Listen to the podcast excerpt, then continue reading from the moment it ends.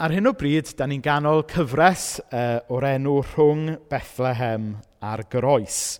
Sef cyfres le ni'n edrych ar ddamhegion Iesu rhwng y Nadolig a'r Pasg. A'r ddameg sydd gyda ni bore yma ydy dameg yr hedyn mwstad. Y dameg sy'n ymddangos yn Efengyl Matthew, Marc a Luc. A mae e'n ddameg syml, ond yn ddameg bwerus ac yn hoff ddameg i lot o bobl. Mae e'n ddameg sydd wedi ysbrydoli Cresnogion ac eglwysi dros y canrifoedd. Mae hyd yn oed wedi ysbrydoli pobl Llanbedr Pont Steffan i agor caffi o'r enw yr hedyn mwstard. A da ni gyd yn disgwyl mlaen i gael teithio i'r de eto a stopio yn yr hedyn mwstard i gael cacen. Ond, um, ond be bynnag am hynny, mae'r darlleniad bore yma yn dod o Efengil Matthew, Um, Mae'n darlleniad byr iawn, dim ond um, dau adnod o Matthew 13, adnodau 31 a 32.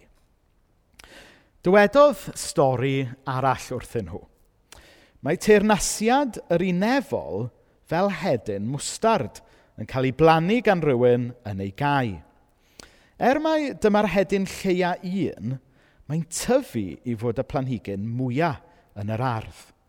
Mae tyfu'n goeden y gallai'r adar ddod i nythu yn ei changhennau.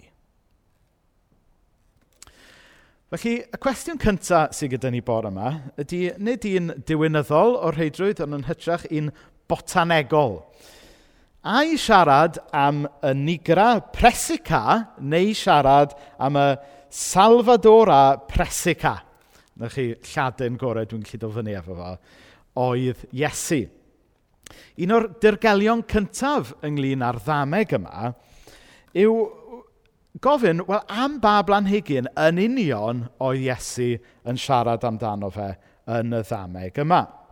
Mae rhai pobl yn meddwl mae siarad am y black mustard oedd Iesu, sef y nigra presica. Oedd y planhigyn yma yn cael ei dyfu yn helaeth um, yn y rhan o'r byd le oedd Iesu yn byw a geithi. A mi oedd e'n cael ei ddefnyddio oherwydd i flas cryf, i flas ffrwydrol. Ond y broblem efo'r damcaniaeth yma yw er oedd e yn tyfu i fod yn eitha mawr, bydde fe ddim yn cael ei ystyried yn goeden, ac yn sicr bydde fe ddim yn goeden y bydde adar yn gallu glanio ynddo fe, fel mae Iesu'n sôn amdano yn y ddameg. Felly, y ddamcaniaeth arall mae pobl gyda yw mae actually siarad oedd Iesu am y Salvadora Presica. Oedd hwn hefyd yn blanhigyn oedd â blas cryf a ffrwydrol fel mwstard – Ond yn wahanol i'r black mustard, bydde hwn yn tyfu'n gyflym a bydde fe yn tyfu yn goeden. Yn goeden digon mawr i adar gallu glanio arno fe. Nawr, oedd na natur ieithwr um, o'r enw Gaius Plinius Secundus o'r ganrif gyntaf. So rhyw fath o kind of Iolo Williams Rhufeinig. A dyma mae e'n dweud um, am y Salfidora Presica. Um, obviously, yn Lladin oedd y llyfr yn wreiddiol, oedd o ddim yn siarad Cymraeg. um, planhigyn hynod fuddiol i'r iechyd. Mae'n tyfu'n gwbl wyllt, er ei fod yn cael ei wella drwy gael ei draws blannu. Ond ar y llaw arall, pan fydd wedi ei hau unwaith, pryn ei bod yn bosib cael y lle'n rhydd ohono gan fod yr hadau, pan fyddai'n syrthio'n egnio ar, egino, sori, ar unwaith. So dwi'n hoffi meddwl, actually, mae nid y black mustard seed, oedd e, ond hwn, y Salvadora Presica. Achos, os mae siarad am y Salvadora Presica oedd Iesu, yna mae gyda ni ddelweddau ag ystyron ag lot dyfnach a fwy diddorol y gallwn ni ystyried. Achos, os mae'r selfyn o'r presico dde, yna mae hwn yn fwy na jyst delwedd ynglyn â rhywbeth sy'n tyfu. Ond yn hytrach, mae e'n cyfeirio at deyrnas ddiw fel planhigyn ymledol.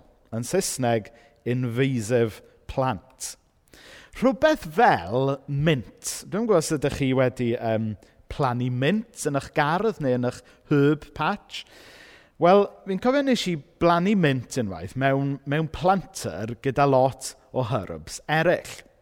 Ond yn sydyn iawn, nath y mint jyst tyfu trwy y bocs i gyd a lladd yr holl herbs arall a cymryd dros yr peth yn llwyr. Ac er mai rhyw shrub bach nes i blannu yn wreiddiol, cofio pan nes i gloddio'r peth allan, oedd e wedi tyfu yn drwch trwy y bocs i gyd. A rhywbeth tebyg oedd y selfidora Presica. Felly mae meddwl am deyrnas Dyw fel rhywbeth sydd yn lledu ac yn cydio ac yn aros unwaith mae e'n cael i le. Dwi'n meddwl yn ddelwedd grif iawn, a'n sicr mae e'n ddelwedd sy'n apelio ato fi. Bod teyrnas Dyw fel planhigyn sydd yn cyffwrdd y tir ac wedyn yn cydio ac yn lledu ac yn ymledu fel tân gwyllt. Mae'n bwerus, dwi'n meddwl, meddwl am deyrnas Dyw fel y Salvadora Presica. Nawr, yr ail beth ddelwedd am y Salvadora Presica sy'n bwerus yw y busnes bod e yn tyfu i fod yn goeden. A'r goeden yna ddigon mawr i ddenu adar i lanio arno fe. Nawr, yn yn gerddi domestic ni, Da ni'n croesawu adar. Da ni'n licio gweld Robin Goch fach yn glanio er sgynny ni dim adar yn gardd ni, ond da ni'n trio'n gorau. Um, ond um, da ni'n licio gweld adar yn, yn glanio yn gardd ni, a maen nhw'n bethau bach del i edrych arno. Ond tasau chi yn a gardd efo lot o gynydau, yna byddwch chi ddim eisiau denu um, adar, achos bydden nhw yn amharu ar beth i chi'n trio gwneud yn yr ardd gyda'r cnydau. Felly mae meddwl am teirnas dduw fel y Salvador a Presicawdd yn denu adar yn ddiddorol iawn. Mae e fel meddwl am bod teirnas dduw yn dod fel grym sydd yn aflonyddu ac yn upsetio y drefn fel mae e, yn troi pethau ben i weired, yn gorfodi bobl i newid i cynlluniau. Rhywbeth na ellir byth ei ddileu er gweithaf pob ymdrech yw ddistewi neu i ddifa. A mae teirnas Dyw hefyd, fel y goeden yn denu'r adar, yn denu pobl o'r tu allan – sydd fel yr adar yn chwilio am gysgod, yn chwilio am noddfa. A mae hwnna'n her i'r deyrnas a'r eglwys hefyd. Pobl yn dod yn torri ar draws beth da ni yn meddwl sydd yn daclus a ffordd da ni'n disgwyl bod pethau mynd i fynd. Mae'n atgoffa fi fod y deyrnas a'r eglwys sydd yn ceisio dew a sy'n ceisio bod yn genhadol ac yn driw i werthodd y deyrnas, mynd i fod yn deyrnas ac eglwys fler. Os ydy eglwys yn rhy daclus, yna falle bod e ddim yn eglwys sydd yn agos i'r deyrnas.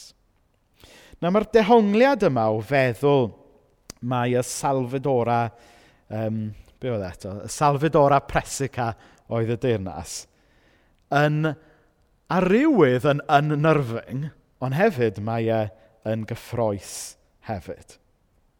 Teyrnas sy'n anghysurus i bobl cyfforddus. Teyrnas sy'n tanseilio'r pwerus, ond teyrnas sydd yn cynnig cartref a cysgod i bobl yr ymylon. Dyna beth oedd y goeden fwstad mae Iesu'n siarad amdano. A dyna yw gwerthodd y deyrnas, da ni'n gweld fwyaf clir y mywyd ac yn ysgeidiaeth Iesu Grist i hun. Nawr mae teirnas fel had, mae e'n tyfu. Dyw e ddim yn gallu wneud dim byd arall. Nawr, i chi sydd yn gwybod lle da ni yn byw, da chi'n gwybod bod dim lot o ardd gyda ni. Mae gyda ni jyst rhyw sgwaren bach uh, um, gyda concrete ac artificial grass ar ei bennau. E. Dyna pa mor exciting ydy'n gardd gefn ni gan bod ni'n byw yng nghanol y dref. Um, ond mae gyda ni ambell i planter a hefyd hen fyns ailgylchu, le ni wedi llenwi gyda prif ac i ni'n trio tyfu gwahanol bethau ynddyn nhw o un blwyddyn i'r llall. Nawr, dwi'n mwynhau cloddio y prif tua amser pasg bob blwyddyn. Dwi'n mwynhau troi y pryd drosto uh, a trio plannu pethau gwahanol o un blwyddyn i'r llall. Nawr, y broblem ydy, mae'r bechgyn sydd gyda ni yn troi'r pryd drosto trwy'r amser. Felly, y dwy flynedd diwetha, dydy, does dim un had wedi cael unrhyw lonydd i gydio nac i dyfu. Ond rai blynyddoedd yn ôl, um, gyda ni chydig bach o lwyddiant yn tyfu letys. Oedd chydig bach yn siomedig achos dwi actually ddim yn hoffi letys. Ond, um, ond gaethon ni drwch o letys. Ac oedd e'n exciting iawn gweld nhw'n torri trwy y pridd. A wedyn, chydig o thnosau wedyn, oedd nhw'n drwch trwy y planters i gyd. Ac oedd yna rhywbeth satisfying iawn am i torri nhw a dod nhw mewn i'r tŷ a'i golchi nhw a'i bwyta nhw. Nawr, O'n i'n darllen wythnos hyn, um, llyfr gan Paula Goodyear am y damhegion. A, a un o'r pethau oedd hi'n dweud am y ddameg yma, oedd, oedd hi'n cofio darllen unwaith um, mewn tybo, cilchgrawn garddio, dwi'n gwybod, Gardener's World neu be bynnag ydy'r cilchgronau yma. A rhyw um, arddwr arbennig yn dweud, y peth gorau chi'n gallu wneud i hadau, i helpu nhw dyfu, ydy actually just gadael nhw i dyfu. Bo hadau yn gwneud be mae hadau'n gwneud, sef tyfu. Oes mae rhaid i ni ddarparu'r amodau cywir i hadau dyfu, ond mae'r hadyn yn gwneud y tyfu drosto fe i hun. Dyna mae hedyn yn gwneud. Dyna beth sydd o fewn natur hadyn yw i dyfu. Dyw hadyn ddim yn gwybod dim byd arall. Mae e wedi enni er mwyn hadu a tyfu. Dyna mae e'n gwneud yn naturiol. A falle, wrth i ni symud nawr i drio cymhwyso y ddameg sydd gyda ni bore yma, i ni fel unigolion ac i ni fel eglwys, falle bod na wers fan hyn wrth i ni gofio bod hadyn, fel y deyrnas, jyst yn tyfu. Mae e o fewn natur teyrnas ddew i dyfu. Dyna mae e'n gwneud. Dyw e ddim yn gwybod dim byd arall. Mae'r deyrnas yn tyfu weithiau yn y dirgel weithiau mewn ffordd mwy rhyfeddol ac amlwg. Mae e'n tyfu mewn pobl wrth i bobl clywed a rhoi croeso i eiriau Iesu yn ei bywyd. A falle bore yma bod rhywun eisiau rhoi gwahoddiad i'r deyrnas blannu hun yn eich bywyd a'ch calon chi. Mae'r deyrnas yn tyfu yn y byd o'n cwmpas ni. Mae'r deyrnas yn tyfu yn yn cymuned, yn yn cymdeithas. Mae'r deyrnas yn tyfu. Dyna mae e yn gwneud. Ond mae'n hawdd i ni lithro i feddwl mai ni a'n ymdrechion ni sy'n tyfu'r deyrnas. Ddim fel na, mae e. Mae'r deunas yn gwneud y tyfu o'i ran ei hun. A mae hwn yn rhywbeth y dylen ni atgoffa'n hunain fel Cresnogion ac fel eglwys yn rheolaidd. Does dim byd a gallwn ni wneud i gael y deyrnas i dyfu. Fel hadau, mae'r deyrnas jyst yn tyfu. Dyna'i natur e. Ond eto, un o paradoxes teyrnas ddew yw er bod y deyrnas jyst yn lli tyfu o'i ran ei hun, dyna mae e'n gwneud, mae yna gyfrifoldeb arno ni fel unigolion ac fel eglwys i, i greu'r amodau cywir er mwyn annog y twf, achos mae amodau gwael yn gallu rhwystro twf. Mae yna rhyw paradox fyna. Mae Dyw sy'n neud y tyfu, ond eto, fel eglwys a fel Cresnogion, bod yna rhyw rôl gyda ni'n creu yr amodau cywir. Ond mae'n bwysig bod ni'n cofio fod tenas ddew mynd i dyfu anyway. Y cwestiwn yw, lle mae e'n tyfu? mae tenas ddew mynd i dyfu, y cwestiwn yw, o dyw e'n mynd i dyfu yn fy mywyd i? Mae tenas ddew mynd i dyfu yn yr eglwys fyd eang, y cwestiwn yw, yw yn mynd i gael lle i dyfu yn yn heglwys ni. A dyna lle mae yna gyfrifoldeb a galwad arno ni agor yn hunain i fod yn dir ffrwythlon i adael i ddew wneud y tyfu. Nawr un peth mae Dyw wedi bod yn dweud wrtha i dros y flwyddyn diwetha wrth i ni fel eglwys orfod uh, arafu lawr ychydig, torri lawr ar yn rhaglen oherwydd y pandemig, un peth mae Dyw wedi dweud wrtha i yw fod angen i ni gofio mae Dyw sy'n gwneud y tyfu, ac actually be da ni fod wneud ydy clirio ffordd i ddew get on a wneud y tyfu. Mae angen i ni gofio mae Dyw fe sy'n wneud y tyfu, nid ni. Nawr pan o'n i yn trio tyfu llysiau yn yr ardd, o'n i basically'n ffysian gormod drostyn nhw. O'n i'n troi y tir unwaith yn ormod. O'n i'n rhoi gormod o ddŵr, o'n i'n pocian fan hyn, o'n i'n specian fan draw. O'n i'n ymharu gymaint nes mewn gwirionedd o'n i'n fwy o hinder nag o help. O'n i'n ffidlan o gwmpas gymaint nes actually o'n i'n stopio yr had a'r planhigyn rhag tyfu.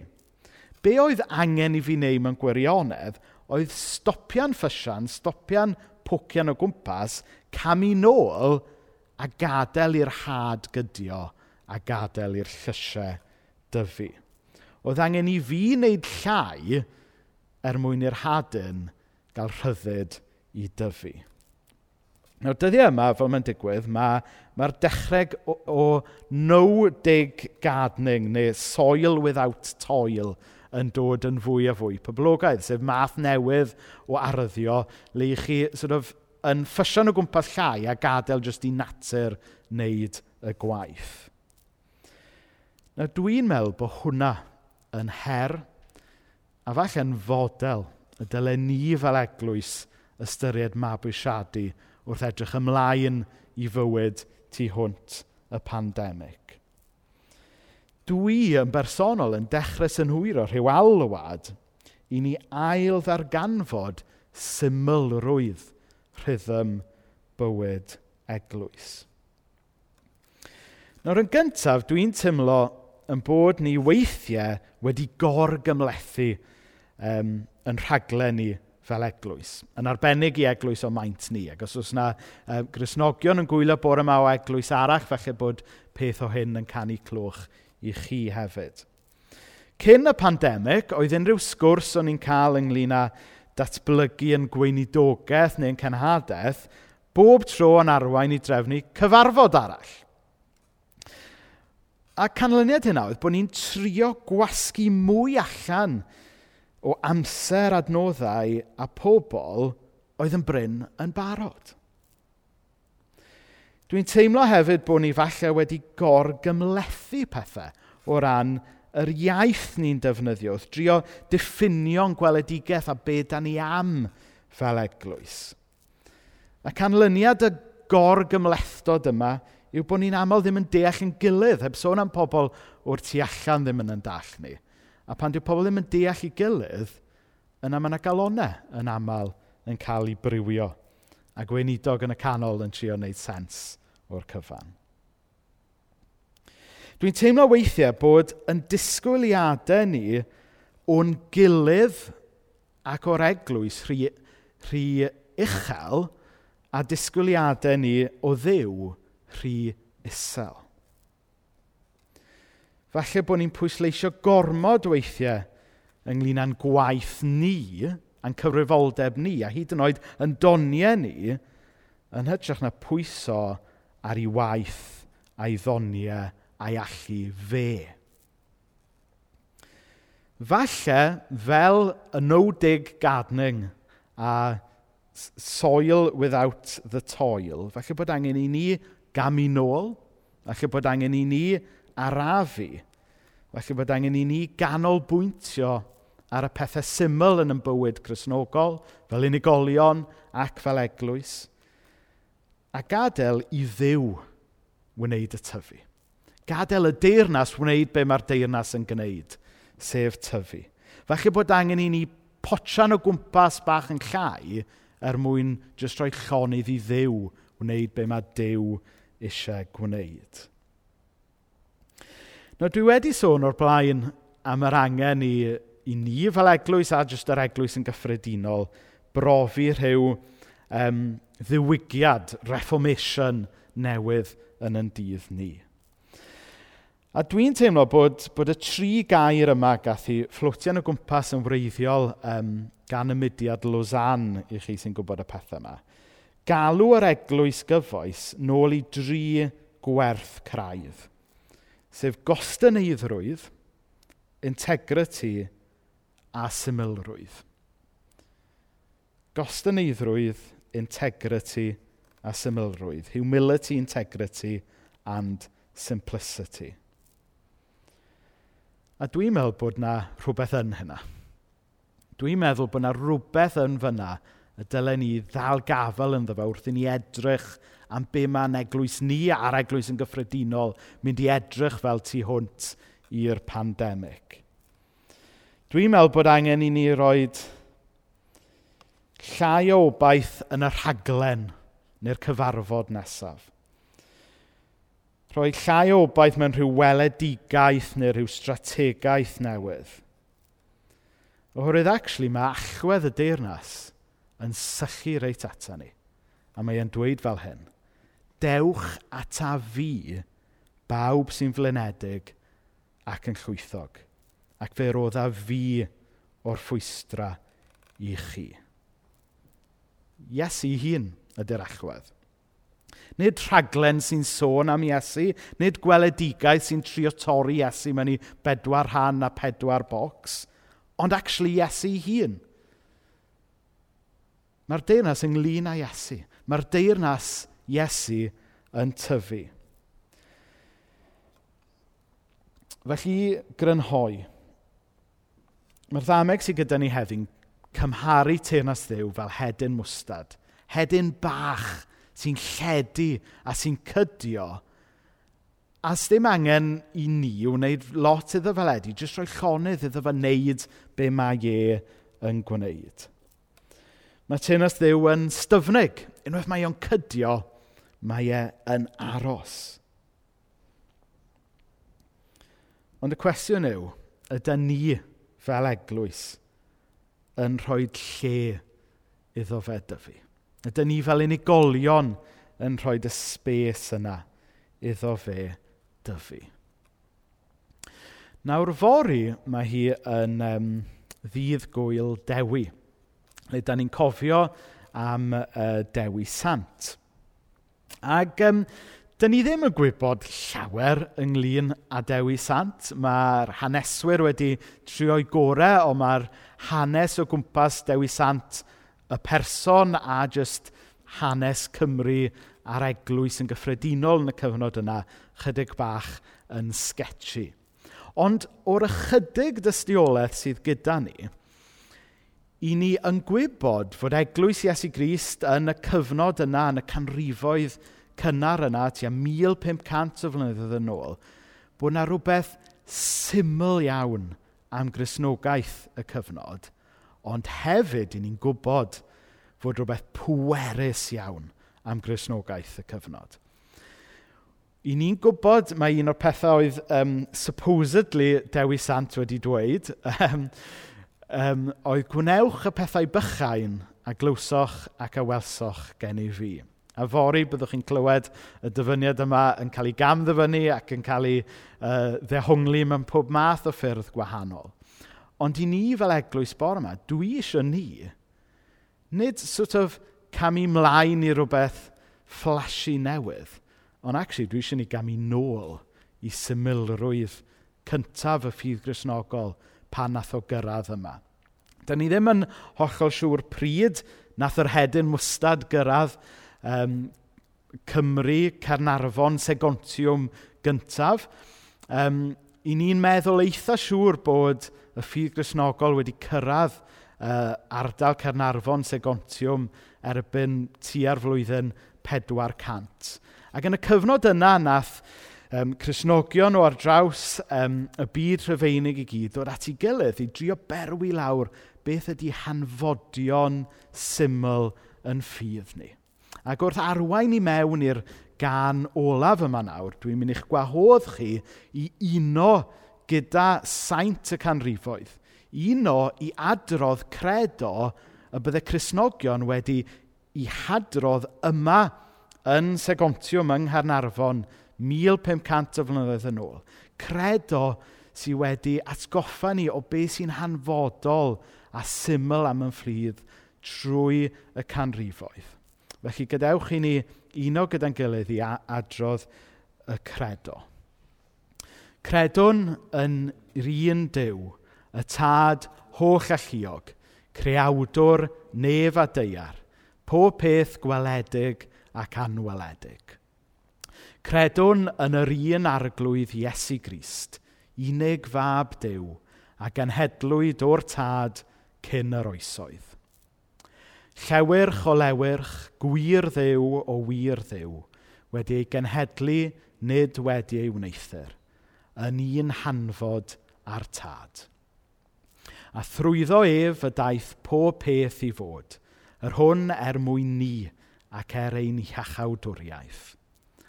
A ddaeth i lawr o'r nef a'i wneud yn gnawd o'r ysbryd glân a mae'r forwen, ac y gymerodd ffurf ddynol Yr hwn a groeshoeliwyd hefyd drosto ni dan Pontius Peilat, a dioddefodd a'i gladdu ac a atgyfododd y trydydd dydd yn ôl yr ysgrythurau.